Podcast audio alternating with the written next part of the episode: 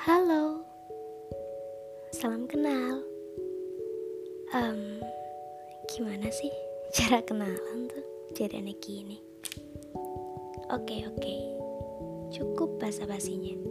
Saya salah, saya baru nyoba-nyoba podcast gitu. Setelah mikir-mikir, lama banget, kayak kira-kira podcast ini mau dibawa ke mana ya? Ada juga rasa takut siapa nih yang mau dengerin aku ngomong.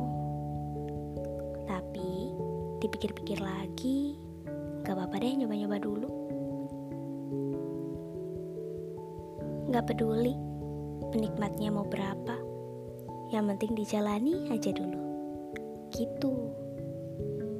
Kesannya kayak main-main gak sih? Tapi ini gak main-main juga kok. Gimana ya? nyaman aja ngomong kayak gini. Berasa didengerin karena nggak semua orang loh punya temen cerita ya kan? Atau bingung mau cerita ke siapa. Hmm, podcast ternyata bagus ya buat media bicara. Paham nggak? Um, gini nggak semua orang bisa mengartikan isi kepalanya sendiri. Dengan dengar orang bicara, kadang itu salah satu cara akhirnya dia ngerti. Oh, aku ternyata emang lagi dalam keadaan seperti ini ya. Gitu. Jadi perasa punya temen gitu. Oh ya, kamu Kenapa sih dengerin podcast? Pasti lagi sendiri ya? Atau lagi sedih? Atau nggak ada kerjaan gabut gitu?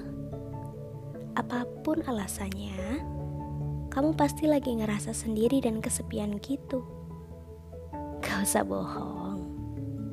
Aku tahu kok, hari ini berat banget.